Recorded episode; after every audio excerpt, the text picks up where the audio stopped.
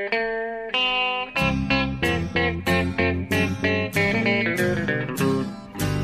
out there, we're on the air. It's hockey night tonight. Tension grows, the whistle blows, and the puck goes down the ice. The goalie jumps and the players bump, and the fans all go insane. Someone roars, Bobby scores at the good old hockey game. Oh, the good old hockey game is the best game you can name. And the best game you can name is the good old hockey game. Hallå, hallå, hallå, hallå, hallå! Då är det dags för NHL-podd igen. Det är det 137 måste jag få påpeka då. Eh, avsnittet i ordningen och på andra sidan där vi helst skulle vilja sitta själva. Eh, på den, I en skyskrapa i New York på den 46, 46 våningen i Manhattan. Sitter Per Bjurman, hur är läget? Ja, då skulle du få hälsa på en granne, för jag bor på 48 nu. Ja, det är 48 till och med. Oj, ja, det, det gjorde inte saken sämre, men å andra sidan så, så eh, skulle jag kanske hamna lite fel. Det skulle bli awkward med min engelska så här, och dyka upp där helt plötsligt. Med resväska och allt.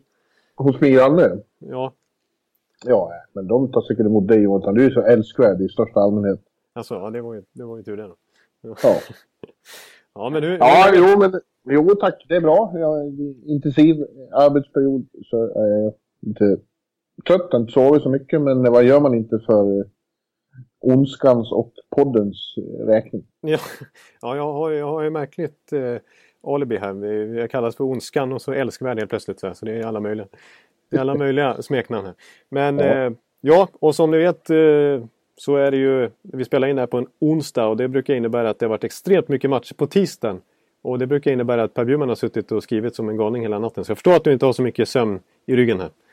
Ja, vi får sluta med det. Ja, det är 11 matcher igår, en ikväll. 11 ja. imorgon igen och två på fredag. Det är ingen jämvikt i schemat direkt. Nej, det är precis det som jag snackade om för några vecka sedan att de eh, sprider ut matcherna. Det är matcher varje kväll. Men du, som du mycket noga påpekade då så är det ju viss tungvikt på ett antal dagar ändå. Som inte är så fördelaktigt för dig. Kanske. Nej, ja, å andra sidan chansen är väldigt lite också. ja, just det. Nu, blir det lite, nu får du lite lugnare kanske framåt nattkröken ikväll. Ja, det här får, när det bara är en match, eh, då får eh, redaktör Hagman ta hand om det när han kommer in på morgonen. Just det. Som våra trogna poddlyssnare brukar förväxla med Hampus Lindholm, men han heter alltså Hampus Hagman. Det är inte Hampus Lindholm som skriver texter, texter åt oss, utan det är, det är alltså en, en, annan person. Ja, ja, ja men eh, det är bra ändå. Det var ju en, en intressant kväll igår. Jag var, jag var själv på Garden och såg Rangers Anaheim. Ja. Och det var ju eh, en konstig match för att eh, där får man säga att eh, Rangers stal. Anaheim var ju klart bäst.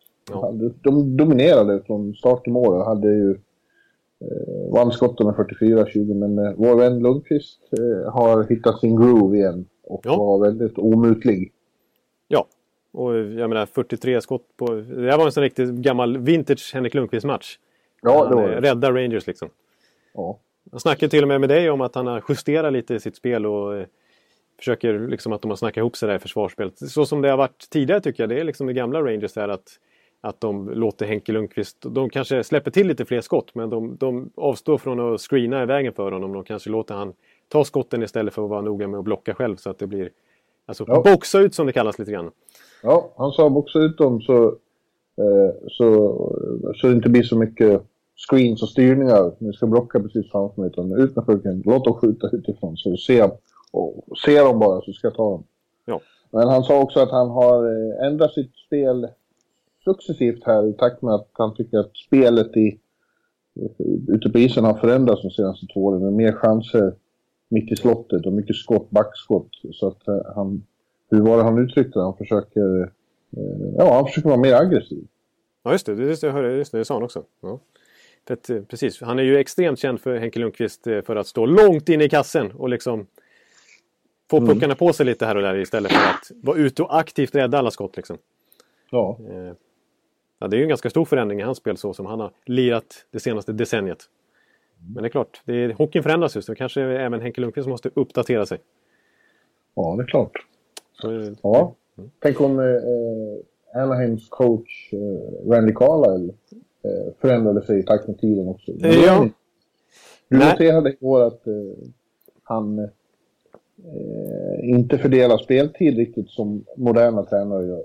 Nej, precis. Alltså, jag såg ju inte den matchen här på Garden utan jag kollade ju på Tampa Bay och det måste jag bara få nämna snabbt eh, att de vann med 5-0 mot Kings. Boom! Äntligen! Så ja. Men nu, där, där lämnar vi den direkt, det förstår jag. Till alla lyssnares stora glädje. Men eh, jag bara såg det så här. Jag såg som Rickard Rakell, han har spelat över 20 minuter när det, liksom, det fortfarande var 10 minuter kvar av matchen. Eh, och han landar ju på nästan 25 minuters istid för en forward. Långt mer än till exempel Hampus Lindholm, back, som ju spelar 20 minuter. Och Ryan Getzleff, alltså nästan 20, ja, närmare 27 minuters istid på honom. Det är så typiskt Randy Carla var det första jag tänkte. Så, så som han höll på hela tiden, inte minst i Toronto. Där bästa forwards fick ju nästan en, alltså liksom, alltså så här, vi snackar nästan en halvtimme per match ibland.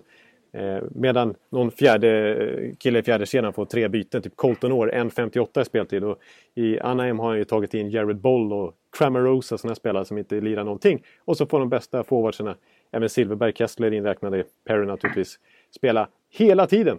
Och, de, och visst, de, de, de, gjorde en bra match. När, när de killarna är inne på isen så blir det ju 44 skott och bra tryck från Anaheim. Men det här måste ju slita ut dem på sikt alltså. Att spela som forward spela 24-25 minuter, det är ju för mycket i en 82 matchers säsong. Ja, nej. ja, visst är det så. Det, det slutar med att de är helt slutkörda. Det är dags uh, att go. Ja. Det, det, det är ytterst få som använder spelarmaterial på det sättet nu för tiden. Av den anledningen. Ja, exakt. Som du nämnde där, eh, uppdatera sig. Det, det är inte den moderna stilen. En, en naturlig övergång nu, det, det, det skulle ju kunna vara att eh, eh, i podden här ska jag mena, det är ju bara att nämna för ett lag som verkligen inte matchar sitt lag på det sättet. Det är ju Washington Capitals. Eh. Ja, en annan, en annan övergång som jag hade tänkt att göra. Ja. Jonathan Ekeliv, om du, om du bara låter mig... Du är bättre på övergångar, så jag låter dig. Slippa, slippa dina tyglar hade ju varit så här. Ja. Apropå coacher. Ja. Så har ju veckans stora nyhet varit att... Ja, du tänker så ja. Julien har fått sparken. Jag tänkte vi skulle väl ta och komma in på det rätt fort. Ja, det är sant. Det är, sant. Det är ju huvudnyheten egentligen. Ja, jag håller på att snacka om Washington Capitals här helt plötsligt. Vi återkommer till dem, men ja. nu ska vi prata Claude i Boston. För att, eh, ja, eh, det har ju spekulerats mycket om det och i förrgår, eller jo, i förrgår kom beskedet att eh, han får sparken. Ja. Efter tio år i, i Boston. Ja, han är, är den aktiva tränare som har varit längst i sitt lag. Ja, precis. Nu är det istället coach Q som innehar den titeln. Och, ja. Alltså, man är ju man är både förvånad och inte förvånad som att, som du säger, det här har spekulerats under en längre tid.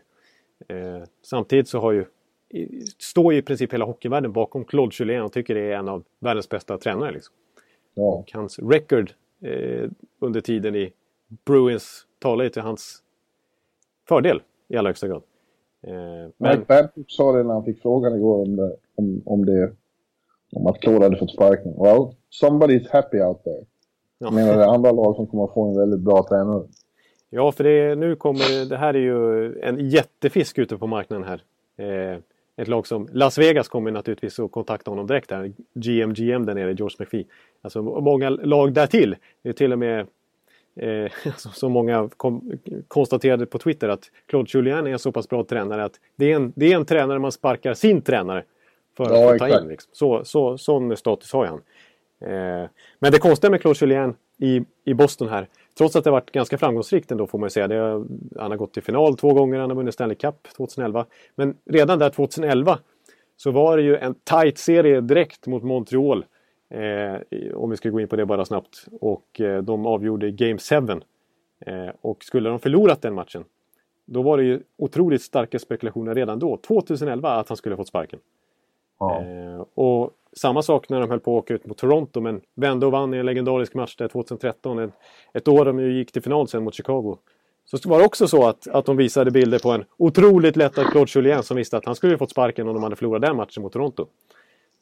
Och jag menar, när, när Don Sweeney kom in här 2015 och gjorde sina märkliga rokader där med, med trada bort Hamilton och så vidare och Boychuk försvann och så vidare. Då, eh, då var det också så att man trodde att, Don, att eh, Claude Julien skulle ryka på kuppen men han fick efter mycket om och men sitta kvar som tränare. Så då ja. var det också väldigt mycket spekulationer. Så det, det, det här har varit en utdragen process och nu till slut här en väldigt märklig timing tycker man i Boston. Samma dag som det ska vara den stora paraden för Super Bowl-vinnarna New England Patriots. Ja. Så så smyger eh, Boston ut nyheten att ah, nu sparkar vi Claude Julien. Vår ja, mest, som att mest, vi inte skulle märka det. Nej, precis. Vår mest segerrika coach genom tiden. Han, han rycker. Så, gå och fira ni nu så, så har det, det överstökat. Ungefär. Ja. Ja, nu är det ju så att det, det har ju, de senaste tre åren har det varit väldigt eh, motigt för Boston. Eh, ett, ett tänkt topplag alltid. Ja, de har ju den självbilden. Liksom. Ja, det har de verkligen. Men det är ju svårt att påstå att det här är på något sätt hans fel. Ja. Det är ju precis som med andra lag vi har tittat på de senaste veckorna. Ledningen som har eh, försvårat hans jobb enormt genom att, att göra väldigt konstiga saker med truppen. Ja, det tycker jag absolut är den, den stora grejen att peka på här. Det är de som ska pekas ut för att eh, och det är till och med, det är som vi var inne på för någon podd sen här när vi, när vi, när det har varit mycket snack om att Julien hänger löst där. Att, och då var ju till och med Julien ute själv och sa att Nej, men min, truppen är ju inte mycket bättre än så här. Eh, han, han, han pekar ju lite finger uppåt då faktiskt. Mot Cam ja. Neely och Don Sweeney så här. Och inte minst Cam Neely har vi pratat lite om att han har fattat lite märkliga beslut. Och jag förstår honom för att senast de gick till slutspel det var ju 2015. Det är tre år sedan snart där. Eh, när de åkte ut mot eller 2014, ja. 2014, nej 2015. Ja, men då hade de ju spelare som... Då var ju Lou Eriksson kvar naturligtvis. Milan Lucic 14, var ju där. 14 var senaste slutspelet. De har missat 15 och 16. Just det. Eh, Carl Söderberg var där. Riley Smith var där. Jerome Ginla var där. Johnny Boychuk var där. Doggy Hamilton var där. Eh, ja. De hade en kompetent backup i Chad Johnson. Eh, ja. Sen dess har Cam Neely och Dogs, eh, Don Sweeney sett till att eh, plocka in, ja men vi plockar in Anton Khudobin som backup nu och han är för dålig så han skickas ner till AHL. Och Matt Beleski på ett femårskontrakt som gjort två mål den här säsongen. Han var ju tänkt eh, sniper för dem liksom. Och David Backes istället för Lou Eriksson. Backes som har sitt sämsta poängsnitt i, ja. i princip i NHL-karriären. Eh, I alla fall sen, sen absoluta början där när han var rookie. Eh, Jimmy Hayes, eh, en, en ganska stor trade som han skickar bort Riley Smith mot. Eh, och, eh, och, han har varit helt i scratch här på slutet i nästan alla matcher. Det har ju varit otroligt dålig den här säsongen. Eh, det finns ju fler exempel. Alltså John Michael Lyles som han tradade till sig vid deadline förra säsongen och, och förlängde med på 2 miljoner per säsong. Han har också varit helt i scratch här på slutet. Så det är ju det är ju managementbeslut här helt enkelt som, varit, alltså som har gått konstant nedåt. Det är inte, trots det har ju faktiskt, det som är så bisarrt i sammanhanget är att att Boston, som varit inne på också, de är ju det bästa possession-laget i hela NHL. Helt överlägset. Bäst Corsi, skapar mest, driver spelet mest i hela NHL. Eh, däremot så har, de ju, har de ju en helt bisarrt dålig effektivitet och dåligt mål, eller inte tillräckligt bra målvaktsspel för att kompensera för den otroligt dåliga effektiviteten. Så de har helt enkelt sämst PDO som det kallas i NHL. Mm. Eh, mm. vilket brukar betyda på otur snarare än... Och, och, och just Corsi brukar ofta vara en eh, liten tränarrelaterad fråga hur mycket possession man har och sådär. Det brukar, det brukar kunna styras lite av vem som står i båset. Så att Julien siffror är, är positiva men ledningens siffror är ju inte alls bra. Nej, och det känns som en obalanserad trupp. Det har vi pratat ja. om förut. Ja. Det, det, finns mycket att göra åt där, rent vilka man ska plocka in och sådär. Det är återigen, det är liksom Cam Neely och Don Sweeney det. Som det Frågan är vad han ska göra istället. Nu ska han vara... Eh, assisterande ska vara tillfällig coach som har hittat en ny. Eh, ja, Bruce Cassidy. Ja, och nu är ju som sagt marknaden på lediga tränare börjar plötsligt bli intressant. Nu finns han och Hitchcock och Galant ute på marknaden. Ja, de tre framförallt och Jack Capoeira också, men det är väl de tre man som sticker Capuano ut. tror jag inte är någon nej, som många precis, tittar på. Nej. Eh, men de, de tre och Vegas nämns ju hela tiden. Det skulle vara jävligt intressant att veta hur de tänker i Vegas. Ja. Det jag hörde det något oväntade ryktet att GMGM är väldigt inne på att han vill ha Craig Berube. ja, det känns ju inte så modernt. För att Nej, då skulle, då skulle Philadelphia-fansen skratta. Ja, precis. Ja, det, det, är ju väldigt märkligt tänkt. Men samtidigt så har ju de kanske inte förväntar sig att, eh, marknaden skulle, att tränarmarknaden skulle bli så här fin helt plötsligt. Eh, Nej, exakt. Så de kanske har redan har, har gjort eh, klart med någon eller är långt, eh, i långt gångna förhandlingar med någon. Vem vet?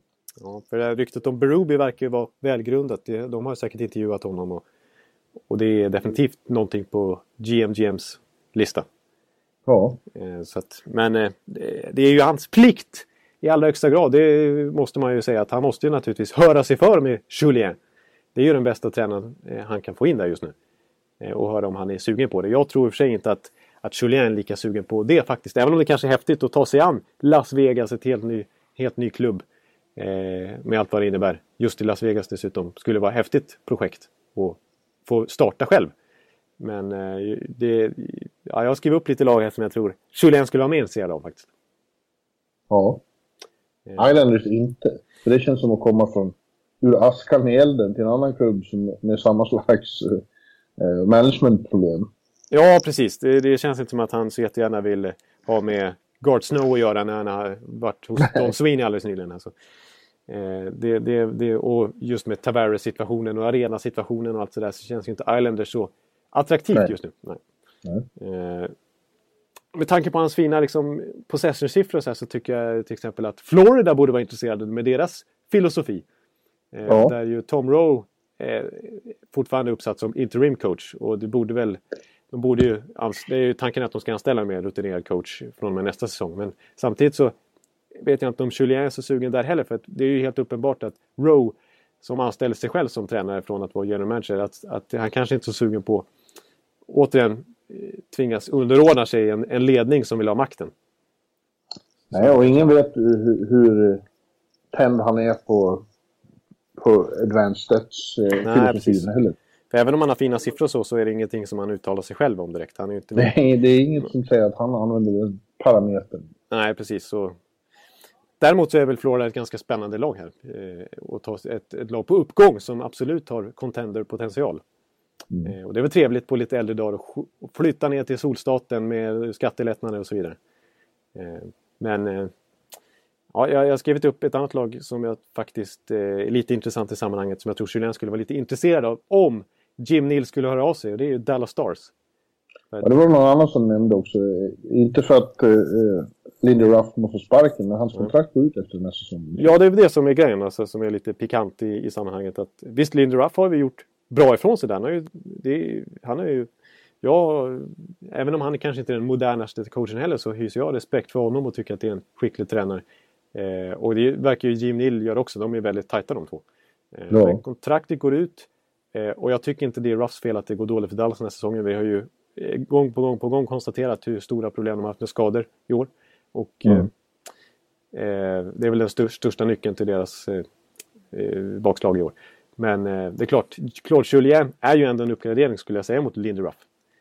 Och eh, jag tror att Julien skulle vara väldigt intresserad av det jobbet om man, fick, om man erbjöds det. För att eh, får de bara tillbaka folk, eh, en Janmark från start, om man kan lyckas locka, locka tillbaka en Ishushkin eller ja, om Spetsa och gänget kan hålla sig hela eh, en hel säsong och kanske kan göra någonting till slut åt sin målvaktssida och kanske bredda backsidan och så vidare. Så är ju det ett lag som har potential att vinna Stanley Cup. Så att eh, där, där tror ja. jag att Julien skulle tacka ja. Ja. Ja. Faktiskt. Eh, sen så finns det ju, sen så, alltså det är många lag, som vi sa i början, att många lag skulle kunna tänka sig att sparka sin coach för att ta in honom. Eh, alltså som Tampa Bay-fan skulle jag nästan kunna tänka mig att sparka Cooper alltså för att ta in honom. ja, jag har förstått det att du eh, till och med tänker så radikalt. Ja, men nu, jag ska inte bli sådär, sådär eh, radikal igen. Du, du börjar kalla mig för hysterisk när jag håller på så. Jag... eh, Vancouver nämnde du va? Ja, det är Vancouver. Också, Desjardins kontrakt går också ut. Ja, ja, det går ut eller så har han ett år kvar. Han i alla fall, jag vet inte exakt hur det ligger till, men det är på gränsen där. Eh, jag tycker ju Desjardins, jag har ju ofta hyllat Desjardins, men visst, det finns väl eh, alltså Jim Benning som ju har en historia i allra högsta grad med Julien i form av Boston-kopplingen. Han kommer därifrån. Benning skulle ju absolut kunna tänka sig säkert att göra sig av med Desjardins för att ta in Julien. Om nu... Där, men där snackar vi också om ett lag som förmodligen inte Julien är så intresserad av det är ju en liten återvändsgränd om han vill vinna matcher de kommande åren. För att, ja. Eh, Vancouver ser ju inte ut som det mest spännande projektet i NHL just nu direkt. Men det finns ju en naturlig koppling där naturligtvis till Benning. Eh, jag tänker också... Det skulle vara lite eh, pikant dock eftersom det var väldigt bittert mellan Boston och Vancouver i finalen 2011. Ja just det, det är ju precis. Då var de ju ärkefiender. Ja. I, i sällan skådat slag. för att eh, ligga på varsin sida kust. De, ja. Kusten, ja. Men eh, ja, ett, ett, ett lag som, som verkar som, som ju rättmätigt kanske håller Paul Maurice högt, det är ju Winnipeg Jets. Men det är också ett intressant bygge att ta sig an, men det kanske inte är så attraktivt att flytta till 30 minusgrader i Winnipeg. Eller? Ingen aning, han är kanadensare själv, så vem vet. De har udda, udda syn på det där. De, mm. de tycker ibland att det real Canadian winter är det finaste som finns. Ja. ja, men det skulle, ja, om de skulle få för sig att sparka Maurice så är det ju, då får han ju ta sig an Patrik Laine och Mark Scheifele och, och ja. eh, allt vad de heter där borta uppe som, som är, har något spännande på gång också. Men det kan ju också vara så att han vill eh, avvakta och se vad som händer efter så han eh, har ju, de har ingen brådska de här coacherna som får sparken. Nej, och jag, jag det är förmodligen rätt skönt att slippa pressen några veckor och bara andas ut och åka till Barbados och ta en paraplydrink och tänka på sina tio år i Boston. Ja, ja det tror jag. Och låta det där vara någon annans problem ett tag. Eh, nej men det, det, tror jag också. Jag tror definitivt att Julien kommer, inte kommer hoppa på någonting nu direkt utan han kommer vänta ut till sommaren och se vad han har för alternativ och sen ta det bästa han erbjuds. Liksom. Ja. Och det är väl helt rätt.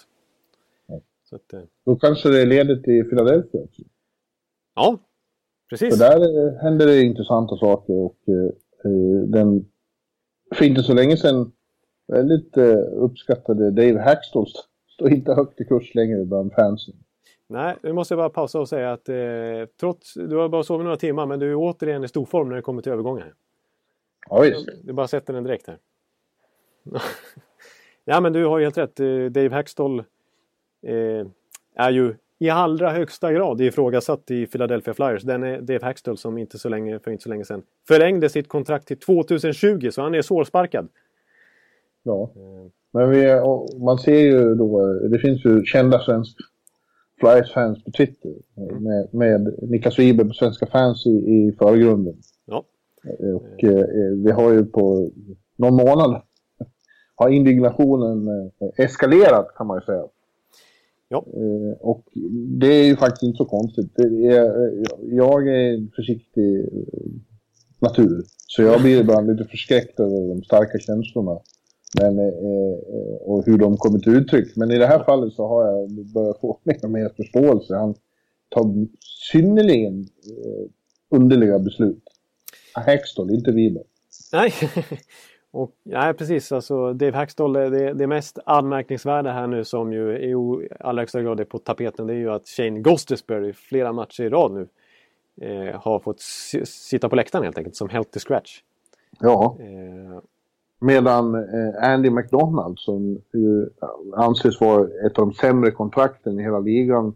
Han var nedskickad i, i farmarlaget, ansågs helt hopplös, anses fortfarande helt hopplös av många han får mest istid av alla i laget. Ja, ja alltså han är i alla fall en av de som... Jag tror faktiskt, och det är Flyers-fansen naturligtvis mer positivt inställda till. Att, att Provorov verkligen har etablerat sig. Och jag tror han är, han är ju den som spelar mest nu. Men, men McDonald får ju ja, över 20 var, minuter per match. Ja. När AMAC har fått mest tid. Ja, exakt. Och, det, det, och grejen är ju nu att härom natten, jag tror på tisdagskvällen, så, hade, så, så bjöd ju faktiskt eh, Flyers in sina fans till en, eller säsongskortsinnehavare till ett sånt här klassiskt möte. När, eh, när Dave Hexter var på plats.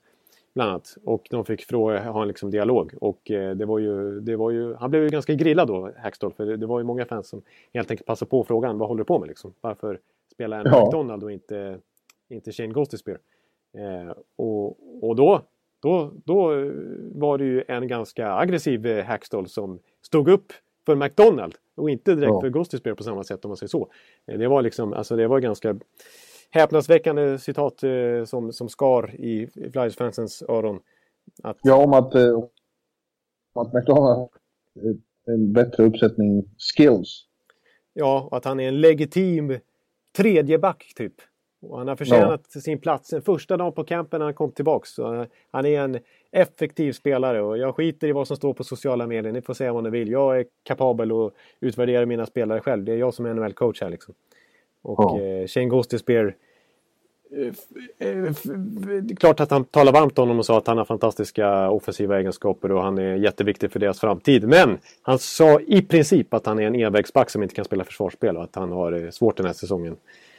Och att det är evident for everybody. Så liksom, det, det är ju bara att titta, titta på Ghost Spear så ser ni. Tyckte han då. Så att, eh, ja, märkligt. Ja. Och eh, det finns ju andra också. Det finns ju forwards som tycker används så mycket på bekostnad av andra. Ja, alltså typ en sån som, eh, ja, som, som jag pratade om, alltså, så, som varit ständigt. Chris Van de Velde är ju en favoritspelare till Dave, Dave Hackstall. Spelat alla matcher den här säsongen. Ja. Eh, blir aldrig petad eh, trots att Flyers-fansen tycker att han är sämst på isen nästan alltid. Eh, och eh, en sån som Travis Connectney som är en jättespännande forward som de draftade så sent som första rundan här 2015 var i McDavid-draften. Och eh, som har gjort det bra, alltså eh, producerar bra den här säsongen. Eh, som nu tyvärr skadad då när han fick spela igen, men som också har varit petad mycket på slutet. Eh, trots mm. att han är en av deras eh, mer framträdande offensiva spelare. Eh, och det, och då, det blir liksom lite grann som att de här två spelarna, spelarna framförallt i och med att de har fått sitta, både Connectney och Ghostespear, liksom blir problemet lite grann. När, det finns ju mer problem, alltså i allra högsta grad är väl Van de Velde och McDonald delar av problemet. Och en sån som Claude Giroux som han naturligtvis inte ska sitta. Men han, han eh, har ju bara gjort ett mål, 5 mot 5, de senaste 20 matcherna tror jag. Minus 15 på de matcherna. Eh, mm. Så det, det, det, är liksom ett systemfel snarare än att det är vissa spelare som ska hängas ut som det har blivit lite grann nu. Så man undrar lite vad Hackstall håller på med faktiskt. Ja, ja jag intar ju också, inte bara är jag försiktigt, jag intar också en, eh, oftast en ödmjuk eh, hållning i de här frågorna. Jag, jag, jag går med, går utan tvekan med på att en NHL-coach förmodligen vet mycket mer om det här än vad jag gör. Ja, det, det kan man ju stryka under på. Förmodligen, va? Ja, ja jag, jag, jag talar för mig själv också.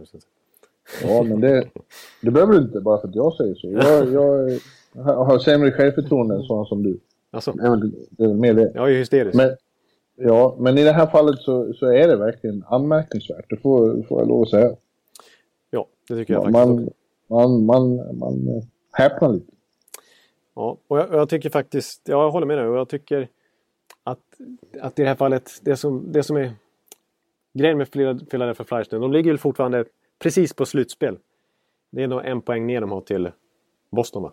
Som är precis mm. utanför nu. Och visserligen har ju, har ju Islanders och Florida har väl lite färre matcher spelade så de kan gå förbi här. Men, men de är ju fortfarande i allra högsta grad med i racet här. Ja, det är ett problem för Boston. Det, känns som, det har känts länge som att de har spelat en miljon matcher fler än alla andra. Ja, ja. men, men eh, alltså det som jag, jag, en, en, jag tycker Flyers har hamnat i det här facket nu att att de är lite, de är absolut för dåliga för att vara en contender. Men mm. de är för bra för att vara, hålla på och slåss med lottery pick och börja tanka. De, de är ju där i slutspels, på slutspelsgränsen liksom. Precis där de ligger, ungefär så bra är de liksom.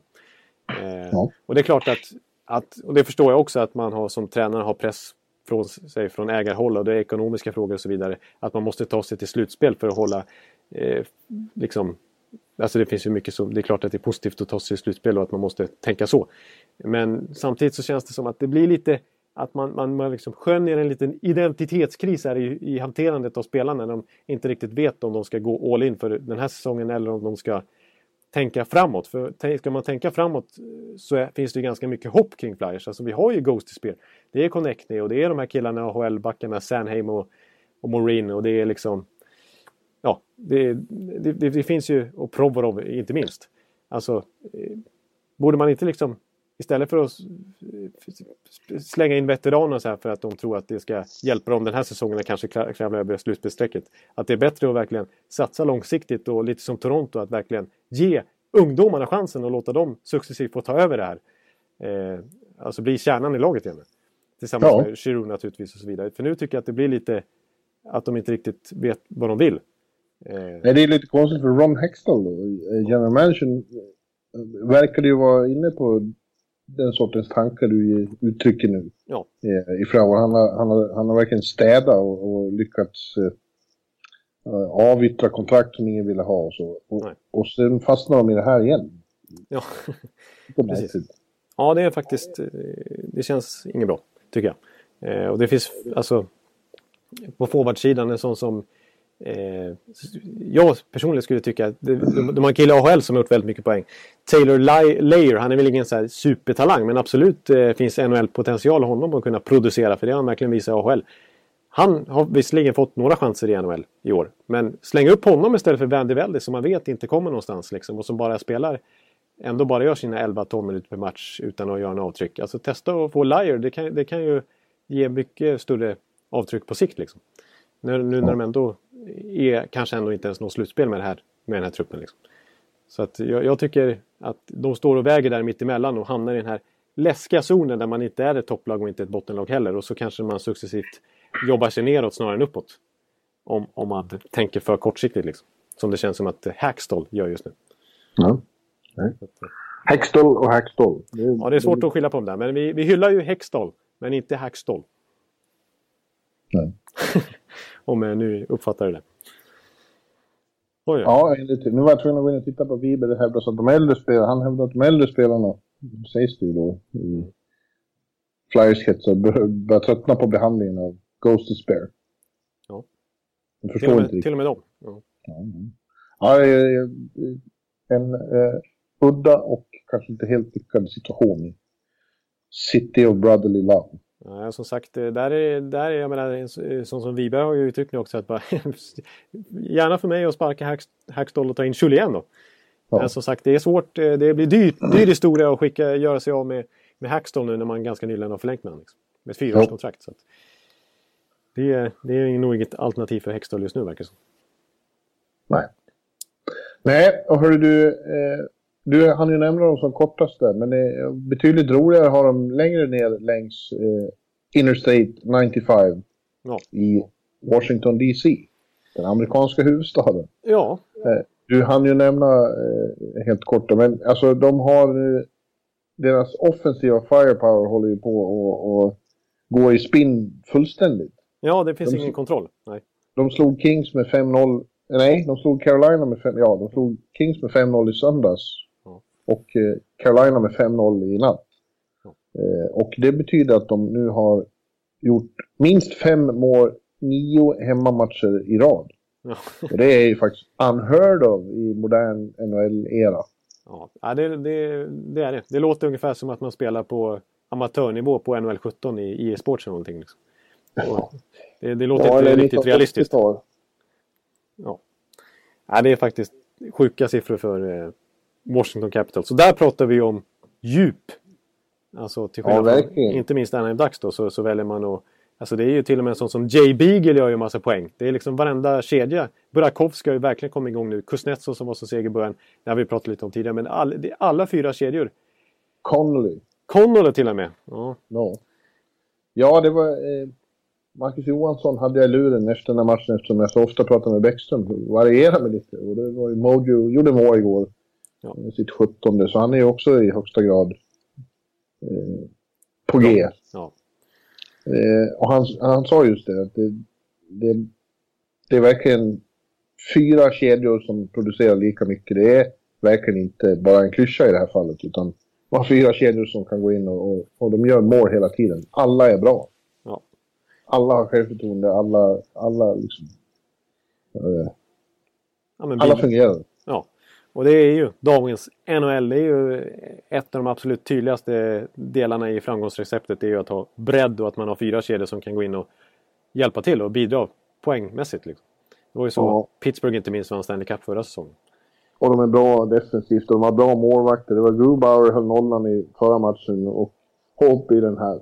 Ja precis, det är ju båda två. Vem de än ställer där. Så jag menar, vi, vi nämnde ju eh, Holtby som en gjuten Vessina-kandidat i förra podden. Och nu, oh. jag menar, även Grubba, Grubba har ju nästan lika bra siffror. Så det verkar inte spela någon roll vem de ställer där nästan. Ja, ja men det är ju så jävla eh, häftigt med ett lag som är så bra offensivt. Ja. Som gör så mycket mål. Det är, det är ju underhållande. Ja, jag är, vi, vi, som, som vi alltid nämner med Washington, det här med att deras säsong egentligen börjar i april när det är slutspel. När de ska mm. för en gång skulle leverera det. Men man är ändå lite imponerad över att de grundserie efter grundserie efter grundserie har motivation nog att kunna gå ut och vinna med 5-0 på reguljär ja. basis.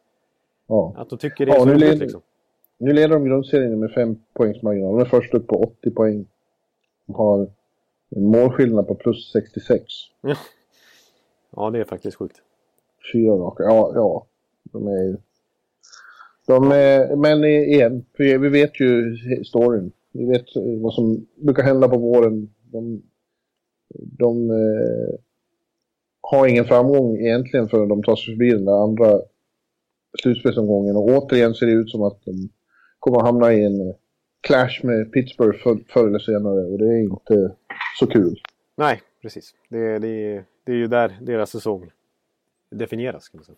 Ja, verkligen. Om det är fiasko eller om det kan bli... Here's a cool fact. A crocodile can't stick out its tongue. Another cool fact. You can get short-term health insurance for a month or just under a year in some states. United Healthcare short term insurance plans are designed for people who are between jobs, coming off their parents' plan, or turning a side hustle into a full time gig. Underwritten by Golden Rule Insurance Company, they offer flexible, budget friendly coverage with access to a nationwide network of doctors and hospitals. Get more cool facts about United Healthcare short term plans at uh1.com. Men du, apropå den där 5-0 där då. Ja. Så, så, nämnde jag ju att eh, de slog eh, Kings med 5-0 i söndags. Mm. Sen fick Kings stryk med exakt samma siffror, 5-0 eh, mot Tampa då. Ja just det, det kan du poängtera. Det... Så de har 5-0, eller 0-5-0-5. Det är betydligt mindre roligt. Ja. Och det är något som inte stämmer där. Igår var ju, fick ju Bodaj ja, det var ju... skulden av, av, av Daryl Sutter. Ja, det var ju inte nådigt vad han är fullständigt uttalat eh, kom Nej, fram med den stora, vad säger man, med motorsågen där liksom. Det är inte ofta man ser coacher såga, såga enskilda spelare på det sättet längre. Nej, han sa liksom att han var direkt dålig och det första målet, ja det är för dåligt och det femte målet, ja det är katastrof. Liksom han är veteran, han måste vara bättre än så här. Så jag tycker det är lite taskigt mot, mot eh, vår vän Budaj som ju har fått eh, märkligt nog få bli första keeper i Kings i år. Och faktiskt har fina siffror och, och många gånger vunnit matcher åt dem. Han har ju hållit nollan rätt många gånger den här säsongen. Han har ju liksom eh, ungefär quick-siffror. Eh, vad Quick brukar ha i en grundserie, det har Peter Budaj den här säsongen. Så han har gjort det väldigt, väldigt bra. Men här får han mm. liksom ta all skit för, för att det går dåligt just nu. Det får han från Daryl Sutter som en riktig liksom skopa skit. Ja, jag såg dem ju för några veckor sedan på Garden och tyckte inte att de gjorde särskilt gott intryck. Vad var, vad, var ditt intryck eh, från menar få stryk av eh, jumbon i östra tabellen med 5-0? Det är inte bra. Nej, det är inte bra. Nej, alltså visst. Han, han har väl lite, lite, rätt i att Boda hade ju inte sin bästa match. Det ska vi konstatera. Eh, samt, och jag, jag, kände, jag tyckte att de kändes lite grann som Tampa Bay mentalt just i den matchen. Även om det blev, gick bra för Tampa Bay den här gången. Men grejen var att Los Angeles kom ut stenhårt och sköt 19 skott i den här första perioden och gjorde verkligen... De var på gång liksom. Men då var för en gångs skull Ben Bishop helt omutlig i kassen och verkligen räddade Tampa Bay. Och när väl Tampa började göra sina mål, då var det här typiska korthuset som faller ihop. Och då liksom mm. bara började den snöbollen rulla. Så att eh, de, de, de känns inte i balans just nu och det verkar inte Daryl Sutter vara heller när han uttalar sig på det viset. Och jag, ja. Alltså det är som vi har sagt tidigare också att Kings bredd är ju för dålig just nu.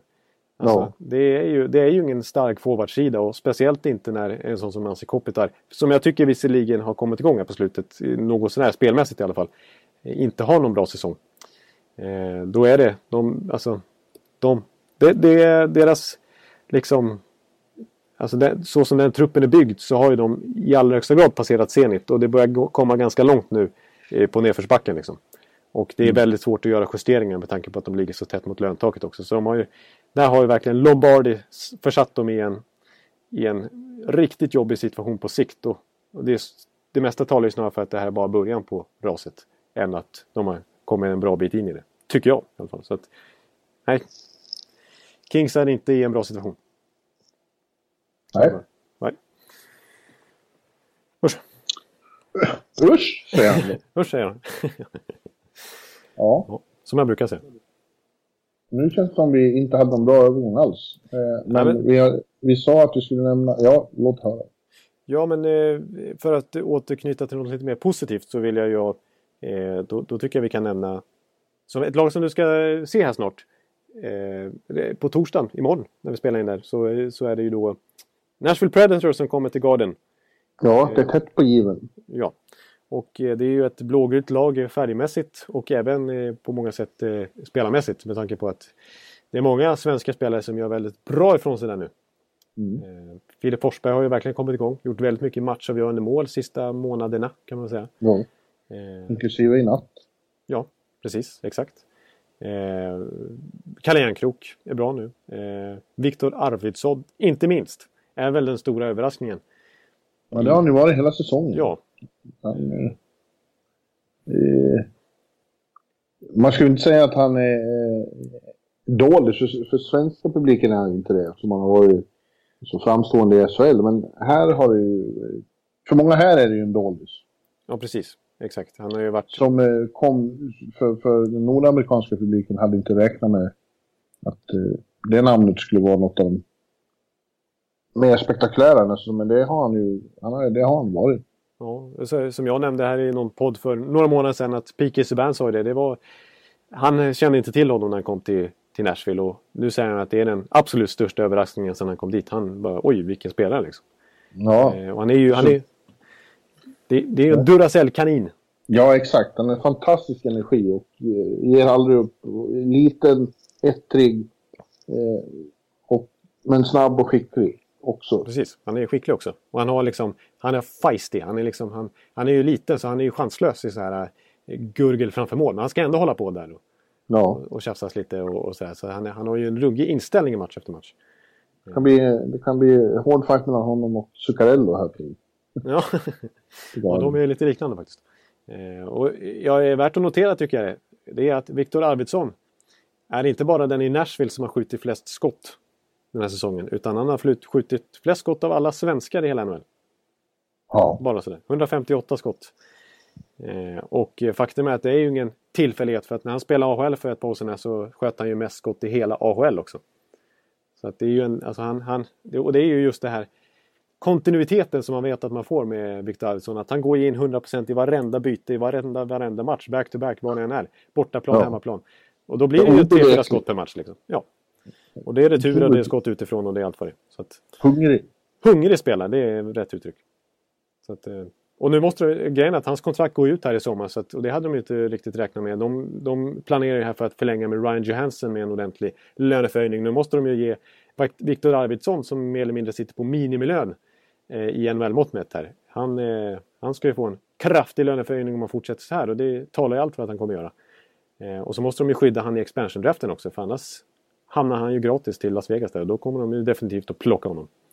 Så ja. det, det, det, de är även lite överraskade i Nashville själva över den här utvecklingen. Ja. Men ja. apropå överraskningar, tycker du vi ska gå in på det snart eller ska vi? Ska Nej, vi ska, vi ska bara nämna eh, om Nashville också att de, de, det var ju en eh, lite skakig höst. Ja, det var det. De var ju tippade som topplag men hade svårt, och, framförallt på bortaplan, och hade svårt att hitta kontinuitet. Men det har de gjort nu och ligger, ja ingen skulle påstå att det är någon säker plats, men de, de ligger trea hyggligt stadigt i Central Division. Ja. Men de är ju jävligt indragna i, i, i striden runt strecket där. Det är ja. några lag som...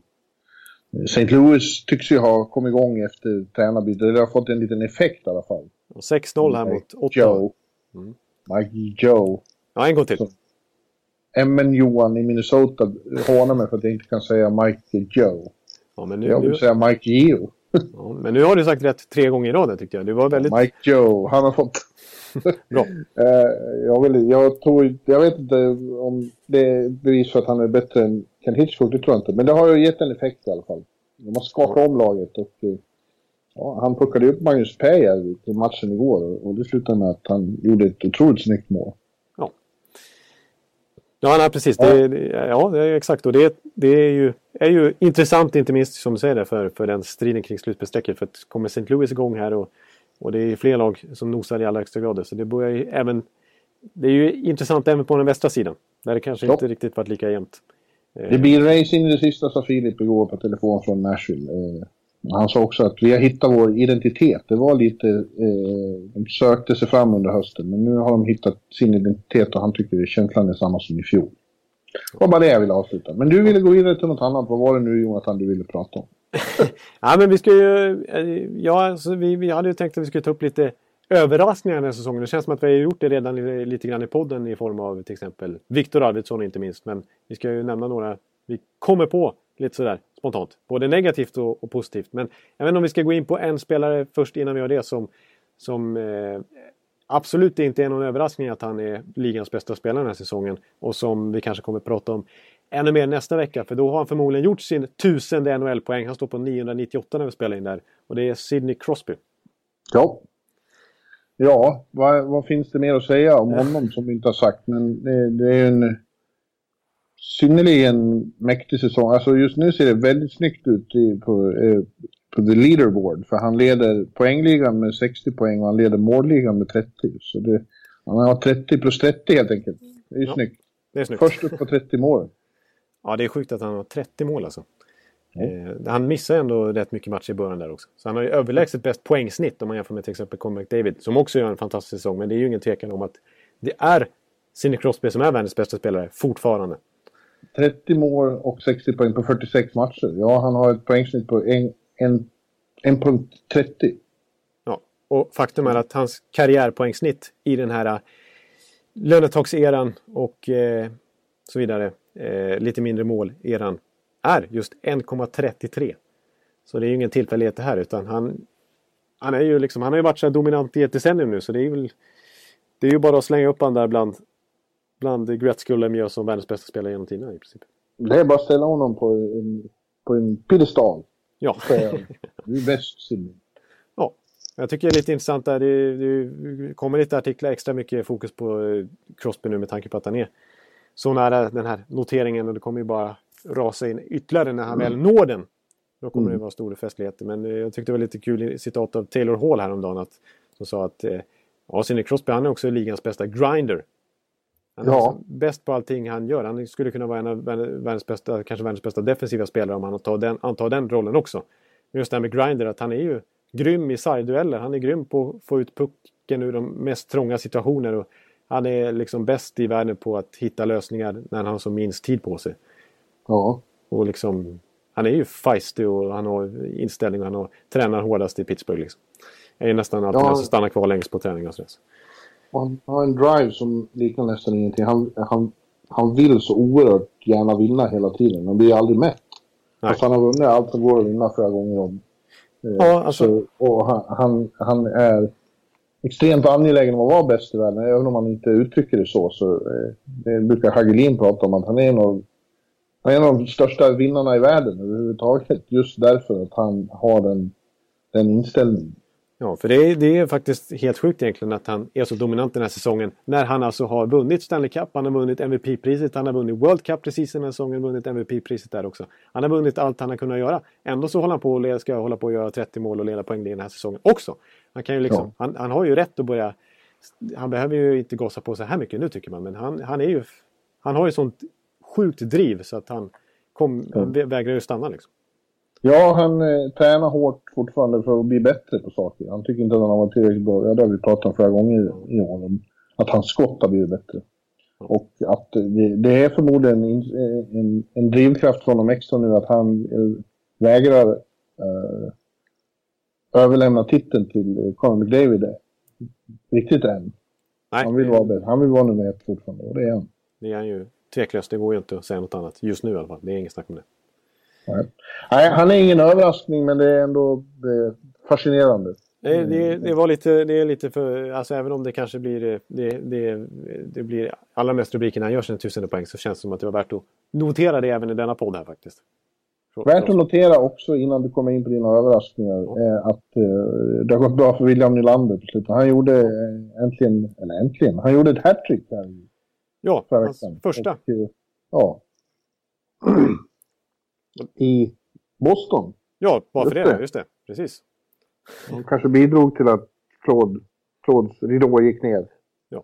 Eh, det var ju lite roligt därför att eh, Babcock hävdade efteråt att det berodde bara på att eh, hans kompis David Pasternak hade gjort två mål och William vill alltid vara bättre än honom. Vi borde ha med oss Pasternak som motståndare i varje rink. Då skulle William vara helt otrolig hela tiden. Ja, just det, de gamla SSK-radarpartners förstås. Ja. Nej, men det, det alltså, Babcock har ju faktiskt börjat använda sig mer av Nylander nu igen. Det var ju ett tag där när han fick lira i fjärde kedjan liksom. Eh, mm. För att han skulle anpassa sig till centerrollen och det tvåvägsspelet och allt det där bara för att han inte hade täckt ett skott i princip. På ett korrekt sätt tidigare under säsongen, det kändes lite så i alla fall. Men nu spelar ju ytterligare i första kedjan är det uppskrivet som i alla fall med Kadri som center och Komarov. Och eh, får ju fortfarande lira första PP med Matthews. Och det, börjar, det trillar in poäng efter poäng. Liksom. Ja. Så att, eh, det är ju inget, det är inget att tveka på att Nylander är vår kommande storstjärna här i NHL. Förmodligen av forwardsmässigt. Det är han och Forsberg som... Och Rakell kanske vi ska slänga in där också som känns som det mest spännande vi har på gång. Eh, inom den närmaste framtiden i alla fall. Ja. Så att, eh, ja, det kommer... William Nylander kommer att bli en, en superstar i den här ligan. Han I, också. I ett otroligt spännande lag. Ja. Så är det. Ja, men nu då? Nu har vi kommit fram till din punkt som är... Vi skulle utse eh, tre positiva och tre negativa överraskningar. Jag har haft så mycket att göra så jag har inte hunnit med det. Så vi, vi tittar på, på din lista. Och, och vi tänkte, vi tänkte, den var ju så därför att vi tänkte dessutom att det skulle vara... Eh, eh, inte de mest givna namnen. Man kan inte bara sitta och säga Ken Atkinson här. Nej, precis. Det, det, är ju det som är grejen. Jag, jag har ju en förmåga att bli lite för obskyr i sådana här lägen och ta lite konst, konstiga namn.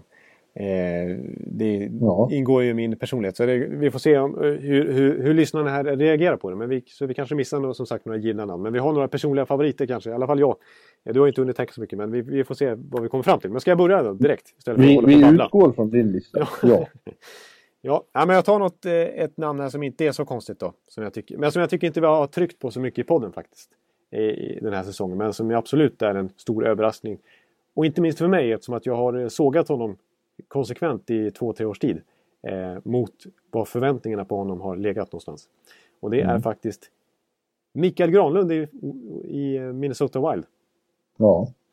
Som eh, ju nästan ligger på en poäng per match den här säsongen. Han är ju en av många som verkligen tagit stora framsteg i, i Wild den här säsongen.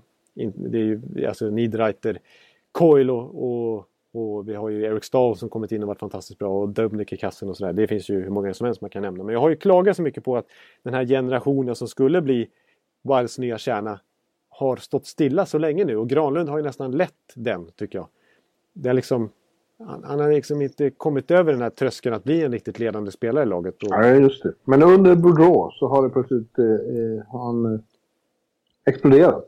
Ja, precis. Han har exploderat och, och till slut så, så formar han en fantastisk radarpar med inte minst sin landsman, den rutinerade Mikko Koivu. Eh, de två, alltså faktum är att den kedjan, nu har vi Jason Zucker spelar där också. Den, den trion ihop, eh, inte minst den finska duon, har ju alltså, alltså det är ju en fantastiskt bra shutdown-kedja. Alltså när det kommer till att möta motståndarens bästa spelare och ändå producera framåt och inte täppa, alltså, och täppa till bakåt också. Det är liksom, vi har ju snackat mycket om Backlund, Kitchak, Frolik-kedjan och inte minst Silverberg, Cogliano, Kessler och sådär. Eh, som den typen av kedja också. Men faktum är att Korbo och Granlund har fantastiska siffror de också.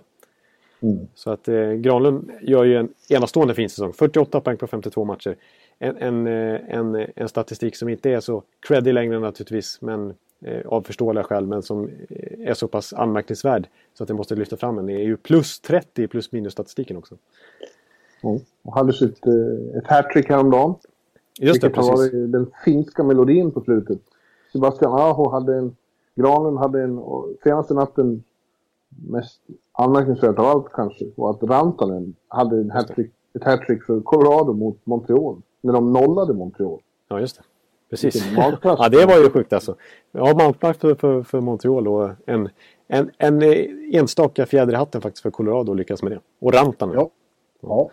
Eh, jag, jag, vill... Ja, men jag köper, jag köper din, eh, jag köper din Granlund. Du köper den? Ja, men det var ju skönt. Eh, och jag vill säga, tillägga en, en kort sak om Minnesota. Att den här generationen har alltså lyckats verkligen etablera sig. Alltså liksom ta över den här rollen nu. Alltså även de som jag spelar som jag nämnt. Men det, det som är så mycket spännande för Wild på sikt också det är att de har ju så mycket som kommer underifrån här snart. Alltså vi har Joel Eriksson Ek, de här killarna i JVM, Jordan Greenway, Luke Kunin mm. och så inte minst då Kirill Kaprizov som har varit fantastisk KL den här säsongen. Alltså Wild som går så bra den här säsongen. Det, det coola är att de har så mycket på gång också. Vilken framtid! Ja. Vilket, vilket val han gjorde trots allt, Bruce Boudreau. När han eh, valde att skriva på för just Minnesota. Det har varit en ja. jackpot. Yes sir. Ja. Vill du sticka emellan med någon annan? Ska jag ta vidare, gå vidare? Nej, gå vidare du. Ja. Eh, ja, då har jag faktiskt skrivit en spelare som jag kanske inte riktigt ändå kvalificerar sig som en, som en överraskning. Det tycker jag inte. För att, och så otroligt fantastisk har han inte varit den här säsongen heller. Men jag tycker att han är lite, un... ja, men han är lite underskattad ändå tycker jag. Så det, det är kanske snarare i det facket han hamnar. Men då vill jag ändå nämna, för själva laget är en stor överraskning. Och den jag vill peka ut i sammanhanget är faktiskt Mark Stone. Mark Stone? Mm. I Ottawa alltså. Ja. Eh, som, eh, för jag som gillar att titta på lite eh, sån här eh, avancerad statistik konstaterar ju då att, att Stone har, har bäst possession-siffror, Corsi i alla fall, eh, relativt till sina lagkamrater i hela NHL. Alltså mm. genererar mest eh, skott framåt eh, sett till den omgivning han har i hela ligan. Och det tycker jag är ändå anmärkningsvärt. Eh, har, har gjort flest poäng också av alla spelare i Ottawa. Och bara bortse från Erik Karlsson som alltid vinner en interna poängliga. ja. Eh, det är lite sjukt egentligen att back alltså, eh, prenumererar på den titeln. Men då är det ju Erik Karlsson också. Det är inte vem som helst. Men Mark Stonley är, är tätast bakom där. 18 mål har han gjort den här säsongen vilket är starkt. Han har dock en ganska sjuk skottprocent på nästan 20 procent vilket ju aldrig kommer att hålla hela säsongen. Men jag vill lägga till där att det är ju ofta de bästa målskyttarna som har hög skottprocent också så det är inte bara en tillfällighet. Utan har man ett bra skott då gör man ju mer mål också naturligtvis. Eh, och, och, det, och, så tycker jag det, det som är, alltså hans kontrakt också. Han sitter och tjänar alltså 3,5 miljoner dollar per säsong fram till 2019. Det är ju alldeles för billigt för en sån som Mark Stone. Som jag tycker har varit så otroligt bra ända sedan han kom in i ligan. Han, han, han kom in och så var han fantastiskt bra. Så bra att han till och med petade ner Filip Forsberg och blev nominerad till College Trophy den säsongen. Det var ingen som hade räknat med det. Men Nej. efter det så fick han absolut ingen sophomore slump utan han var jättebra i fjol också. Och i år igen så går han mot en 60-70 poäng. Så det här är en väldigt stabil spelare för Ottawa som levererar kväll efter kväll efter kväll tycker jag. Och han, han, han, han är bra på att spela fram, han har bra skott, han gör, slänger in returer, han kan styra lite grann i powerplay. Så, att jag gillar Mark Stone och jag tycker han är underbetald. Ja, det är tydligt. Ja, och, Men han eh, spelar i ett lag som är, är och förblir svårbedömda. Ja. Eh, går, går åkte de på 6-0 mot St. Louis på hemmaplan. Ja. Det är inte bra. Alltså, det ska inte hända. Det är, det är lite Boston Bruins timing här på min eh, hyllning av Mark Stone. Ungefär som att de eh, ska sparka coachen ja. precis när Patriots ska hyllas. Så jag, jag, jag, får ta på mig den.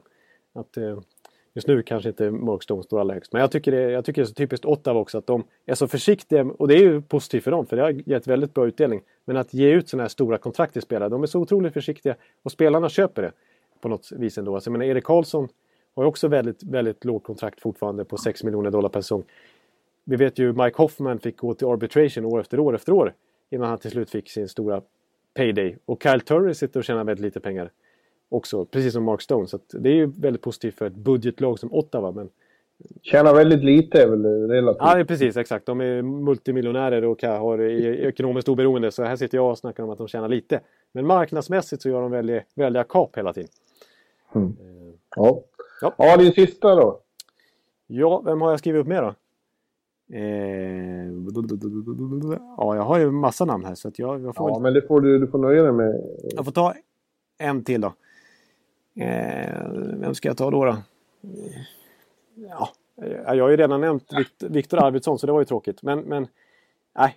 Ja, en spelare som jag nämnt ganska mycket ändå. Så det här känns lite... Det här, det här blir, nu blir lyssnarna och du lite besviken på att jag tar upp det här namnet. Men eh, jag är ju ändå imponerad av Mark Scheifele i Winnipeg. Ja, du hade ju tänkt så mycket på det här. Så. Ja, jag vet. Och så är det sån besvikelse. Vilken Nej, underprestation. Du är aldrig besvikelse. Ja, Nej, men jag kan väl säga Mark Scheifele då som... Som vi... Alltså som... Jag har ju, gillar ju verkligen Mark Scheifele. Jag tror inför säsongen att jag sa att jag tycker att han har ett av ligans bästa release. Liksom. Mm. Och redan förra säsongen såg vi att han var på gång när han spelade med Blake Wheeler och Nikolaj Ehlers. Den var ju kanske NHLs hetaste kedja ett tag i slutet på förra säsongen. Och nu har, har det istället blivit Patrik Laine och Ehlers och Scheifele som spelar ihop. Framförallt den här säsongen. Och varit en av NHLs bästa kedjor. Eh, och jag, det vill bara stå fast vid att Scheifele har ett otroligt bra skott. För han har ju öst in mål och han ligger ju på en poäng på matchen också den här säsongen. Eh, och eh, vi såg i Team North America till exempel var det väl inte så många som snackade om just Scheifele inför den turneringen. Utan all fokus var ju på McDavid och Matthews och Gaudreau och så vidare. Men det var, Scheifele fick ju en väldigt framträdande roll där. Och det är ju inga konstigheter. Och han har ju bara tagit, fortsatt ta fart efter det. Alltså jag tycker Scheifele ja, som i början av sin karriär var ifrågasatt och lite segstartad och Winnipeg Jets allra första val genom tiderna i draften sen, sen de flyttade från Atlanta. Eh, mm. Men nu är han ju en franchise-spelare så jag tycker Scheifele bemästrar det mesta på isen. Både offensivt och defensivt och framspelarmässigt och sitt skott inte minst. Så att, eh, Scheifele har bara återigen liksom bevisat all, för, för allihopa den här säsongen att han är en franchise-center. Ja. ja.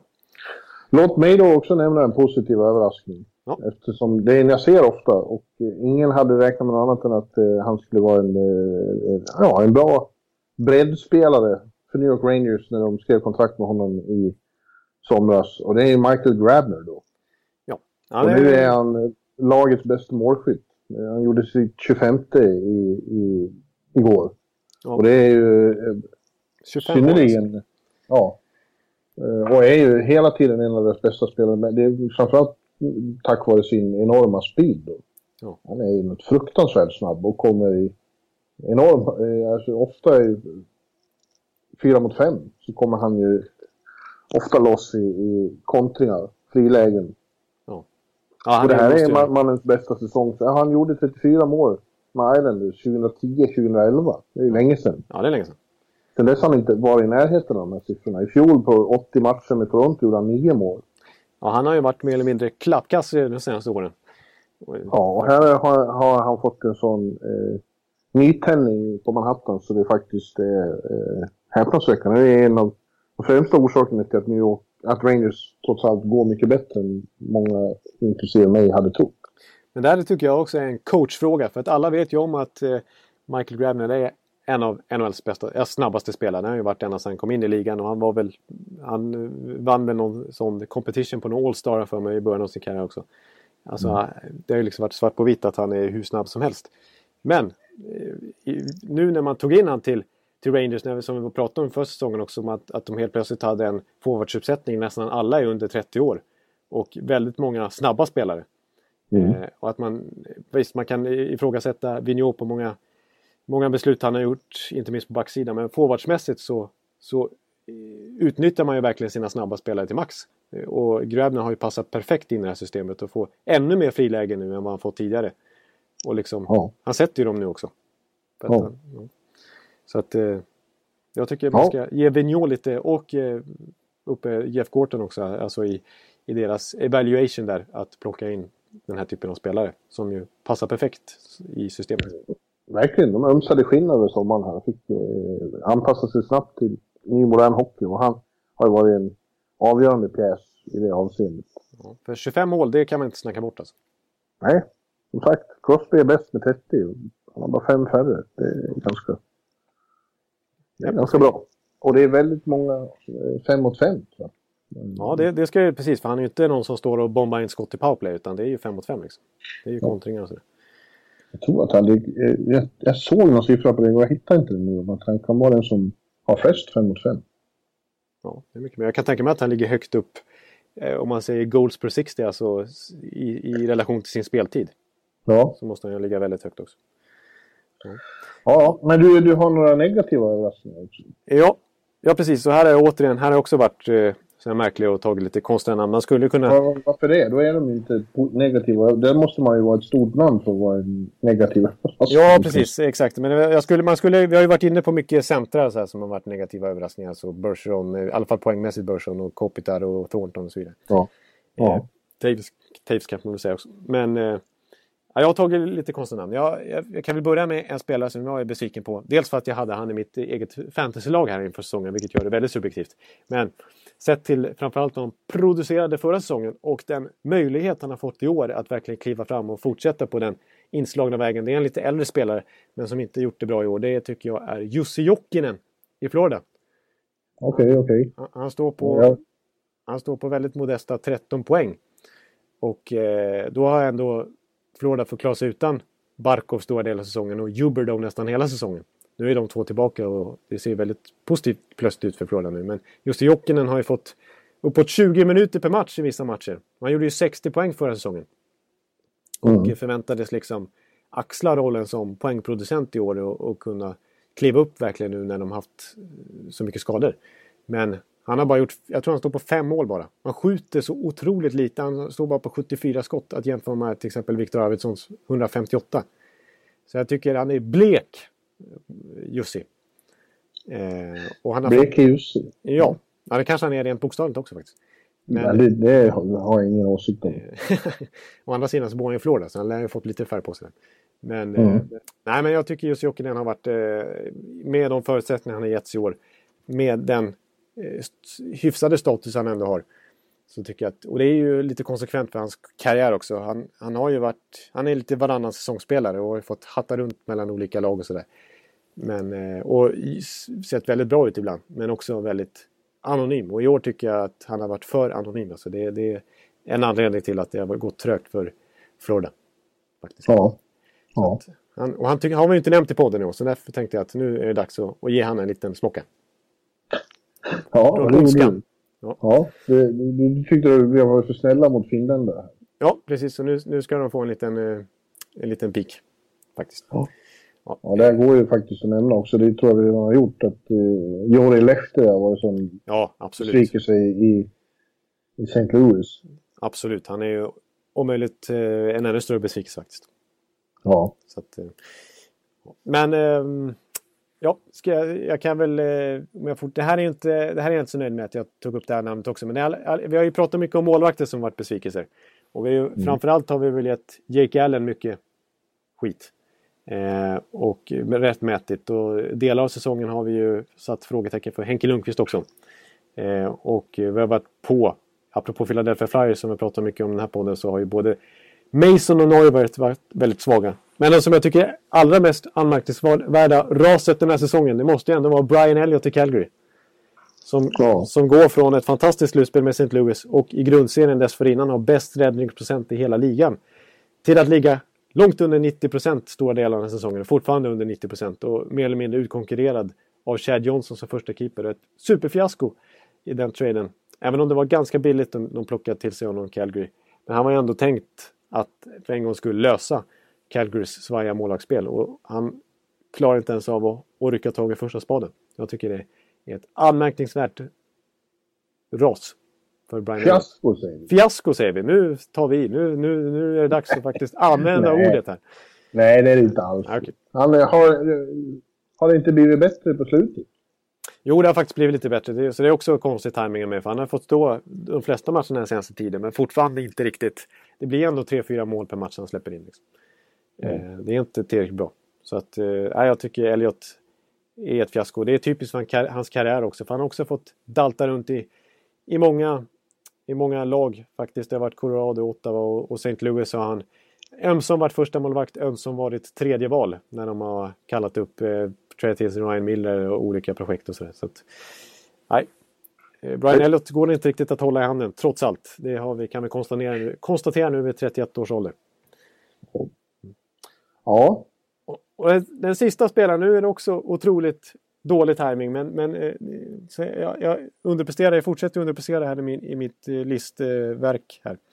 Men en spelare som jag vill, ville prata lite om. Eh, som, och det här låter ju konstigt, han har alltså gjort 13 poäng på de senaste 15 matcherna. Som back. Otroligt bra. Och, ja. eh, och är en stor anledning till att New York Islanders har lyft eh, så uppenbart här sen de senaste veckorna. Det är Nick Leddy. Men eh, fram till årsskiftet kan man säga så var han en, fick han extremt mycket skit i New York Islanders för att han var för dålig liksom. Eh, och eh, att han var en av anledningarna till att det gick så trögt i början av säsongen att de såg ut att nästan bli jumbo. Men eh, nu har Nick Leddy eh, studsat tillbaka så nu är han absolut inte eh, kvalificerad för att vara en av de största negativa överraskningarna som helhet den här säsongen. Men jag vill, jag vill eh, prata om Nick Ledder i positiva ordalag här för jag har ju alltid jag har ju en speciell relation till Nick Ledder. Jag tycker ju så mycket om honom. Jag tycker han är otroligt bra spelare. Jag tycker att han är eh, Anton Strålman bra nästan defensivt. Alltså när det kommer till smartness med pucken i trånga situationer. Lösa upp spel på ett fantastiskt bra sätt. Otroligt bra skridskoåkare. Men en bättre offensiv spelare än Strålman. I övrigt tycker jag att det finns mycket likheter mellan dem. Eh, och jag tyckte det var intressant att, jag, att, att Dog Wait kommer fram till honom också. Det, vilket ju någon eh, vilket jag har pratat om jag såg jag någonstans här på sista tiden att Dog White, när han tog över som huvudtränare så var bland det första han gjorde var att gå fram till just Nick Ledder och säga Du! Ska jag fråga mig nu vad våran näst, åtminstone var våran näst bästa spelare efter John Tavares i varenda match resten av den här säsongen. Så, så bra är du. Och så bra tycker jag också att Nick Ledder är. Jag tycker han är en underskattad spelare som fick väldigt mycket skit i början av säsongen men som nu har studsat tillbaka och verkar ta fart där under Dog Wait och i allra högsta grad varit en av deras bästa spelare nu sista tiden. Och jag, jag proklamerade, det kommer jag, tror jag kommer ihåg faktiskt redan, att jag ville ha med honom i den amerikanska World Cup-truppen. Men där fick han absolut inte plats. Jag, jag håller Nick Leddy väldigt högt, men han har fått mycket skit den här säsongen. Ja. Okay. Ja, det var en notera lång du, Oj, vad jag pratat. Jag noterar att du inte nämner några i den stora besvikelsen Tampa Bay Lightning. Men vad fan. Där måste det finnas sådana som Palat och Paket. Måste du väl vara besviken på? Ja, den, ja verkligen. Alltså, eh, ja, Tyler Johnson, Palat. Ja, men Tyler Johnson har ändå gjort 16 mål. Ja, och varit bra här på slutet får man ändå säga. Och eh, jag, jag har ju en signerad palatströja hemma så att jag har ju så svårt att, att nämna honom på en sån här lista. Men det är klart att han har varit väldigt eh, klen, framförallt offensivt den här säsongen. Och eh, ja. Ben Bishop är ju en, eh, är ju en besvikelse. Paket då, som är 4 plus 4 bara. Ja men, paket, eh, ja, men Paket eh, har ju fått en väldigt... Har en ganska defensiv roll. Jag, jag, jag måste ändå säga att, att Paket har eh, energin. Han, han, han, han sliter som en galning varje gång han är inne på isen. Så jag tycker... Eh, jag är lite besviken på hans produktion för att han har mer i sig men, men eh jag tycker ändå att han... Han är liksom inte... Eh, han åker inte runt och lallar på isen eller sånt där utan han gör, det syns att han ger allt i varenda byte i alla fall. Så det, det ska han. Det tycker jag. Men ja, det finns många besvikelser i Tampa Bay. Hela laget. Ja. ja. Kommer du på någon annan spontant? Nej, nu vart jag så trött. Jag fick en svacka. Ja, du fick en svacka. ja, nu ser jag faktiskt, vi har ju pratat sådär väldigt länge igen. Nu är det långt över en timme. Ja, jag måste gå och lägga mig. Ja. Eh, jag börjar hålla på att tappa rösten här känner jag. Jag har haft eh, långa haranger om att... att ja, det är värst för du pratar. Ja, faktiskt. Jag, jag blir lite trött på mig själv nästan. ja. Men eh, nu måste du väl eh, ta och klippa ihop det här, skicka ut det och så eh, tar vi nya tag till nästa vecka. Ja, det får vi Börja. göra. Och vi får väl tacka alla lyssnare som har orkat med det här avsnittet. När jag ja. pratar som en galning här om allt möjligt. Och eh, du har ju lyckats hålla dig vaken också. Så att... Eh, Emellanåt alltså. Ja. Så att vi, vi tar nya tag eh, nästa vecka. Det gör vi. Och eh, då börjar vi närma oss trade deadline. Så jag har en känsla av att vi kanske får ha lite mer trade-fokus nästa vecka. Spännande. Mm, det blir spännande. Så mm. att, eh, adjöss och godnatt säger vi till vissa av er. I alla fall till dig Bjurman kanske. I alla fall Adjö. sov gott. Ja. Adjö. Adjö.